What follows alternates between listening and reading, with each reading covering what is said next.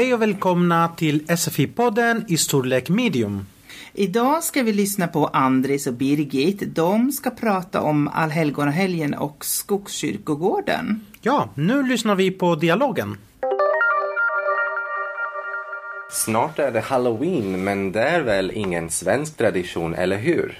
Nej, det är det väl inte riktigt. Den kommer ju från USA. Nej, det som är svensk tradition, det är ju allhelgonahelgen.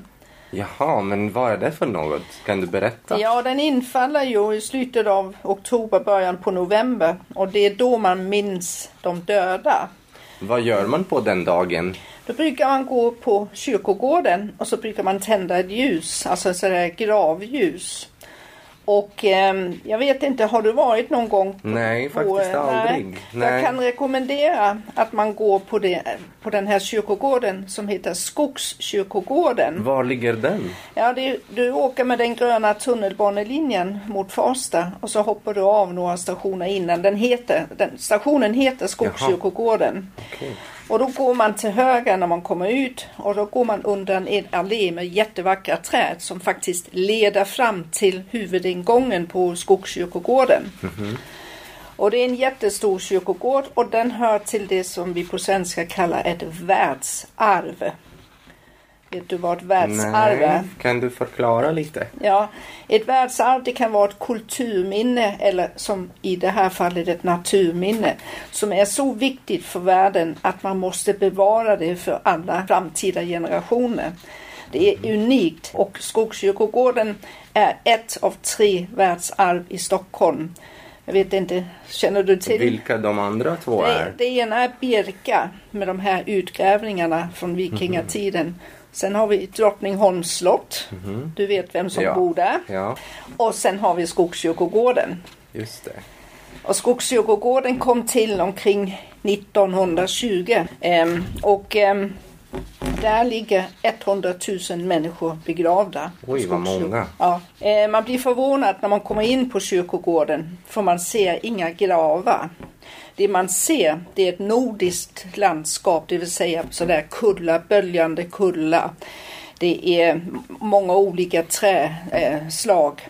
Och det är vatten och det är blommor och det är grönt och det är vackert. Ja, det Och- låter väldigt fint. Ja, det första man ser i det här vackra landskapet är ett stort kors. Eh, gjord i granit, men det är inget religiöst kors. Det ser lite annorlunda ut än det vanliga korset.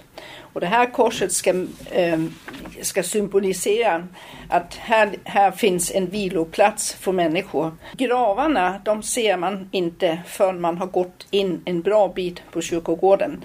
Och då är det någon stiga som led, leder ner till gravarna. Och på de här stigarna, längs stigarna så har man planterat träd, björkar som är väldigt ljusa, almar som är väldigt ljusa. Men ju längre ner man kommer på stigen desto mörkare blir skogen och då är det tjocka, stora granar. Och de leder direkt ner till kapell. Och kapell, alltså det finns fem kapell, det är där man har begravningsceremonin för de döda. Vad ska man säga mer? Jo, han som har skapat eh, Skogskyrkogården är en av de kändaste arkitekterna i Sverige. Det är Gunnar Asplund. Han har också skapat eh, stads, Stockholms stadsbibliotek. Vad duktig du är som kan så mycket om det här.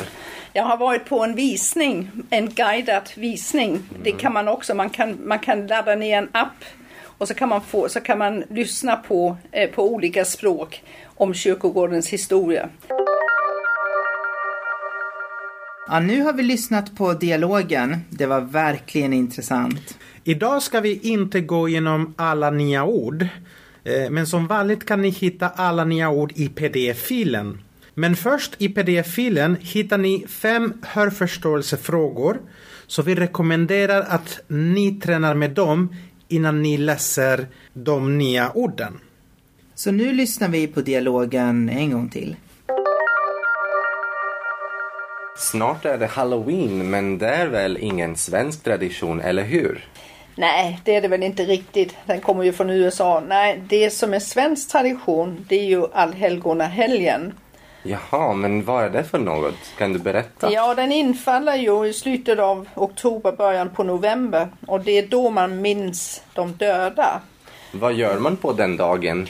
Då brukar man gå på kyrkogården och så brukar man tända ett ljus, alltså sådär gravljus. Och eh, jag vet inte, har du varit någon gång? På, Nej, på, faktiskt eh, aldrig. Nej. Nej. Jag kan rekommendera att man går på, det, på den här kyrkogården som heter Skogskyrkogården. Var ligger den? Ja, det, du åker med den gröna tunnelbanelinjen mot Farsta och så hoppar du av några stationer innan. Den heter, den, stationen heter Skogskyrkogården. Okej. Och då går man till höger när man kommer ut och då går man under en allé med jättevackra träd som faktiskt leder fram till huvudingången på Skogskyrkogården. Och det är en jättestor kyrkogård och den hör till det som vi på svenska kallar ett världsarv.